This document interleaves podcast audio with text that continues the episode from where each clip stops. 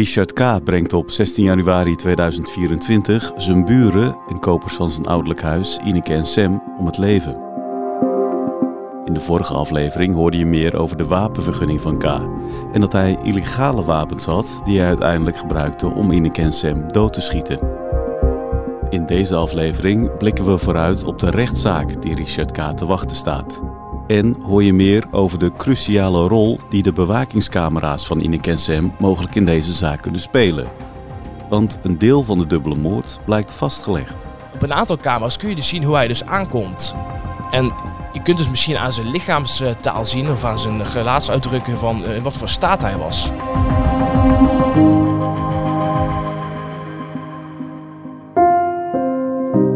Mijn naam is Thomas Brouwer en dit is aflevering 4 van Wijteveen, een podcast van het AD.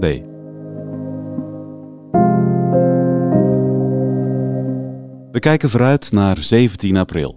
Dan is de eerste voorbereidende zitting van de rechtszaak tegen Richard K. De zaak zal dan nog niet inhoudelijk worden besproken, vertelt verslaggever Victor Schildkamp. Dan wordt de stand van zaken wordt, uh, wordt besproken, hoe staat het ervoor? Uh, met het onderzoek naar deze moord. En dan kunnen daar nog uh, officier van justitie en de advocaat nog vragen stellen en zo. Op voorhand lijkt het niet een heel ingewikkelde zaak te worden. Richard K. bekende tenslotte de dubbele moord al op Facebook en later nog eens tegenover de politie. Als de advocaat van Richard K. in de rechtbank wil strijden voor een zo laag mogelijke straf voor haar cliënt, zal ze zich waarschijnlijk richten op de ontoerekeningsvatbaarheid van Richard K. Of dat hij heeft gehandeld uit zelfverdediging, verwacht Victor. Als je volledig ontoerekeningsvatbaar wordt verklaard, dan ben je niet verantwoordelijk voor wat je hebt gedaan. Je hebt het wel gedaan, maar je, bent niet, uh, je wordt er niet verantwoordelijk voor gehouden omdat je volledig ontoerekeningsvatbaar was. Dus dan kon je er tussen aanhalingstekens niks aan doen. Dan krijg je alleen TBS. En dan kan je in theorie na een paar jaar alweer vrij zijn als je uitbehandeld bent. Dat zal niet gebeuren, uh, dat hij volledig ontoerekeningsvatbaar wordt verklaard. Dat kan ik me tenminste niet voorstellen. Omdat hij nog weet wat hij heeft gedaan. Hebben we een afloop op een filmpje kunnen zien. En dat weet hij tot op de dag van vandaag ook nog wel. Deze man kan hooguit gedeeltelijk ontoerekeningsvatbaar worden verklaard, is uh, mijn beste inschatting. Als je volledig bij je verstand bent, dan kan die zomaar levenslang krijgen of 30 jaar cel. Een hele lange celstraf in ieder geval. Dan heb je gewoon twee keiharde verschrikkelijke moorden gepleegd.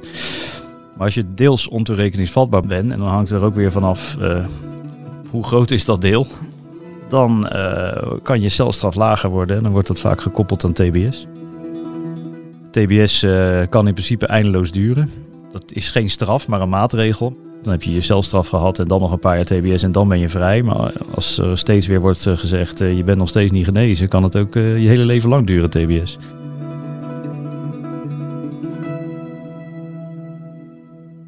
Verslaggevers van het AD ontdekken dat er belangrijke beelden op de dag van de moord zijn gemaakt, vastgelegd door bewakingscamera's. Je hoort verslaggever Sebastian Kwekel. Ja, Ineke en Sam die hangen op een gegeven moment uh, camera's op bij een woning. Uh, twee hangen er uh, aan een hele grote ijzeren paal bij de oprit. Dus eigenlijk vlak voor een voordeur. Omdat ze toch echt het gevoel hadden van... joh, we moeten toch iets doen, ook om onze kinderen in de gaten te houden. Want we krijgen steeds meer signalen dat Richard aan het ontsporen is. Het zijn echt de beste camera's eigenlijk die er zijn. Uh, die kunnen 360 graden draaien. Die hebben echt super scherp HD-beeld. En die vangen eigenlijk uh, alle geluiden op die je maar uh, kunt horen. Dus dat gaat echt om, om goede camera's. Deze bewakingscamera's staan ook aan op 16 januari. En zouden onder meer hebben vastgelegd hoe Sam na de aanval zwaargewond naar buiten strompelt. Later overlijdt hij daar aan zijn verwondingen. Op de beelden zou ook te zien zijn dat Richard K. even daarvoor arriveert bij het huis van Sam en aanbelt. Op een aantal camera's kun je dus zien hoe hij dus aankomt. En je kunt dus misschien aan zijn lichaamstaal zien of aan zijn gelaatsuitdrukking van in wat voor staat hij was. En ik denk dat de politie daar echt, echt op gaat inzoomen om te kijken van joh, in welke mentale gesteldheid was deze man? In welke mentale gesteldheid verkeerde hij toen hij deze daden pleegde? Dat is natuurlijk heel belangrijk voor, voor het hele onderzoek en voor, ook voor de bewijslast.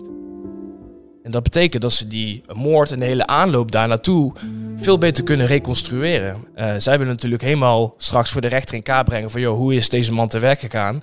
Was hij inderdaad ontoerekeningsvatbaar? Kun je op de beelden misschien die gek zien, waardoor je kunt zien dat hij niet, niet helemaal zichzelf was, of juist wel helemaal bij voorbedachte uh, raden, of helemaal bij kennis was, zeg maar. Uh, dus dat, die beelden zijn eigenlijk best wel cruciaal. Het Openbaar Ministerie liet eerder al weten hoe extreem gewelddadig Richard K. Sam om het leven bracht. Dat deze moord deels is vastgelegd door bewakingscamera's wil het OM niet bevestigen. Het is de verwachting dat de bewakingsbeelden worden gebruikt als bewijslast tegen Richard K. Volgens Victor, die als verslaggever veel ervaring heeft met dit soort grote rechtszaken, kunnen de beelden cruciaal zijn voor de vraag of Richard K. uiteindelijk wordt veroordeeld voor moord of doodslag. Victor verwacht dat de beelden niet in het voordeel van K zullen uitpakken. Het is ook zo waarschijnlijk dat uit die camerabeelden gaat blijken dat hij dat redelijk kalm allemaal heeft gedaan. Ik zit hier een beetje te speculeren, maar dit heeft in alle opzichten zoiets van een. Hij is ook met wapens daarheen gegaan. Hè, dat, uh, dus het is natuurlijk niet dat hij zichzelf ging verdedigen of zo. Hij, zegt dat zelf wel natuurlijk, maar hij ging er echt heen om daar uh, iets te doen. Met een plan waarschijnlijk. Nogmaals, dat moet allemaal nog blijken, maar het heeft, in alle, het heeft er zo de schijn van dat dit gewoon moord is.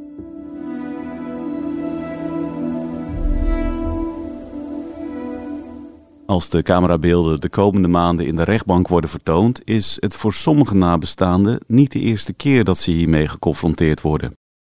De beelden van de bewakingscamera's van Ineke en Sam zijn namelijk al eerder automatisch geüpload naar een digitale cloud.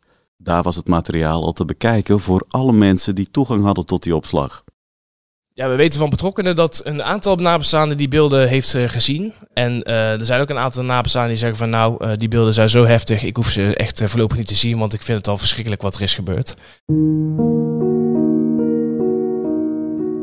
Naast de camerabeelden is er ook een hele belangrijke getuige. Het 12-jarige zoontje van Ineke en Sam. Ja, dat jongetje heeft dus uh, open gedaan en heeft dus waarschijnlijk een deel van die, van die moord gezien. En die heeft daarna uh, zelf ook de politie gebeld. Dus hij heeft zelf de meldkamer uh, ingeschakeld. en daarna heeft hij zich verstopt in een kast, omdat hij natuurlijk super bang was voor, van wat er allemaal was gebeurd. We hebben het hier over een jongen van 12 die echt iets verschrikkelijks heeft gezien. En uh, wat nooit meer uit zijn systeem uh, raakt. Die helemaal waarschijnlijk ook van zichzelf van slag was. En toch nog in staat is geweest van... joh, ik moet, ik moet iets doen voor mijn ouders. Ik moet uh, de telefoon pakken en ik moet om hulp vragen. Ja, dat vind ik wel eigenlijk hartverscheurend. en zeker ook inderdaad dat hij daarna nog zichzelf zo bang voelde... ondanks dat hij Richard daarna vertrokken was... dat hij zichzelf in de kast verstopte. En later, toen de politie uh, ging kijken bij die woning en dus uh, Sam aantroffen bij die woning, hebben ze later ook dat jongetje in die kast aangetroffen die helemaal stond te trillen en ja, echt getraumatiseerd was waarschijnlijk. Dus ja, dat zegt wel over hoe, ja, de, de OM zei zelf ook al, het is eigenlijk gewoon pure horror wat zich daar binnen heeft afgespeeld. En ja, als je dan deze details hoort, ja, dan lopen de rillingen van over je rug. Het zoontje van Ineke en Sam is na de traumatische gebeurtenis opgevangen door het Openbaar Ministerie. Die heeft uh, het jongetje, uh, net, zoals het, uh, net zoals zijn zusje, overdragen aan namens zijn familie. Namens zijn familie is een tak van slachtofferhulp. En die staan zeg maar, families bij bij hele grote calamiteiten die veel in de media zijn. Nou ja, de WTV is natuurlijk heel veel in de media, dus namens zijn familie die, die stort zich daar volop. Maar die, die schermen de familie helemaal af. Ik heb contact met namens zijn familie.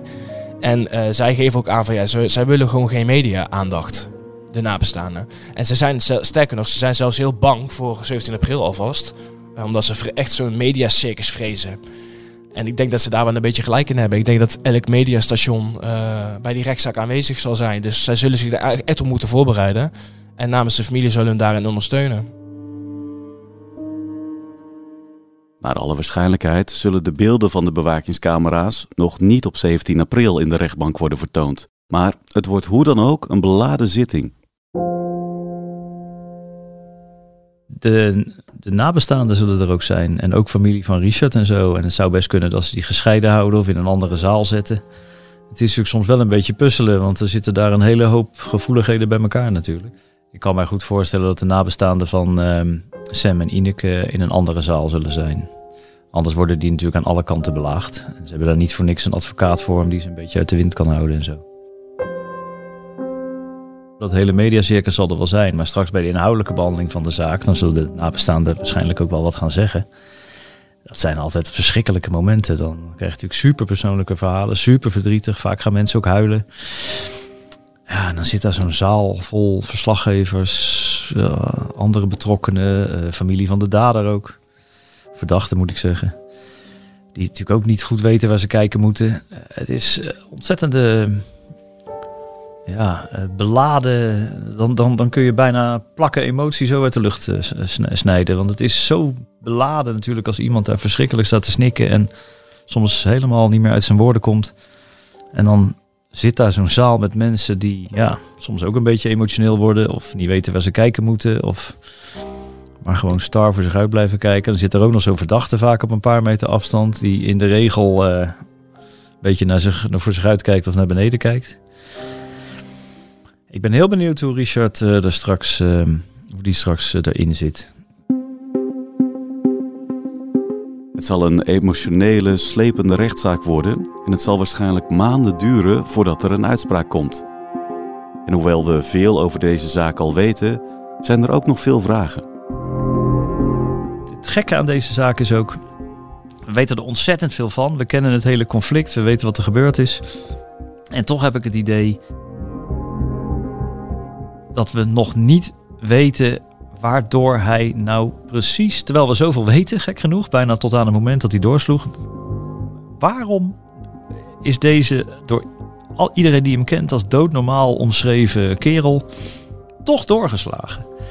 Hoeveel we er ook van weten, hoe hoog dat conflict ook opliep over dat huis, hoe uh, dat er ook nog een, een confrontatie is geweest tussen Sam en Richard niet zo ver voor, voor de moord we weten het allemaal inmiddels wel. En toch heb ik het idee dat we ook nog iets niet weten. Waarom sloeg hij door? Waarom doe je dit? Waarom? Hij, is ook nog, hij was dus ook nog eens gewapend. Je zou zeggen, nou dan kun je wel thuis blijven zitten. Als er iemand komt om je iets aan te doen, kun je jezelf goed beschermen. Maar waarom is hij zo doorgeslagen of zo bang geweest of zo gek geworden of zo gemeen geworden of weet ik veel wat, zo in paniek geraakt? Dat deze hele normale man, die al wapens had aangeschaft, dan ook die dubbele moord pleegt. Hoeveel we er ook van weten, hoe we die, dat hele conflict dat ook in detail kunnen reconstrueren. Voor mijn gevoel is daar nog echt een heleboel. Uh, is daar, ligt daar nog wel een hele grote vraag. Hoe kan dat nou? Wat bezielde Richard K? Heeft hij spijt van zijn daden en zal hij 17 april überhaupt in de rechtszaal verschijnen? Hoe gaat het nu met de nabestaanden van Ineke en Sam en is het leven in Wijteveen voor altijd veranderd na die ene dag?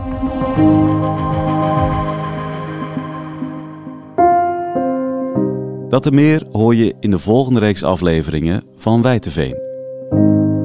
Wijteveen is een podcast van het AD en wordt gemaakt door Sebastian Kwekel, Victor Schildkamp, Raymond Boeren, David Lambert en door mij, Thomas Brouwer.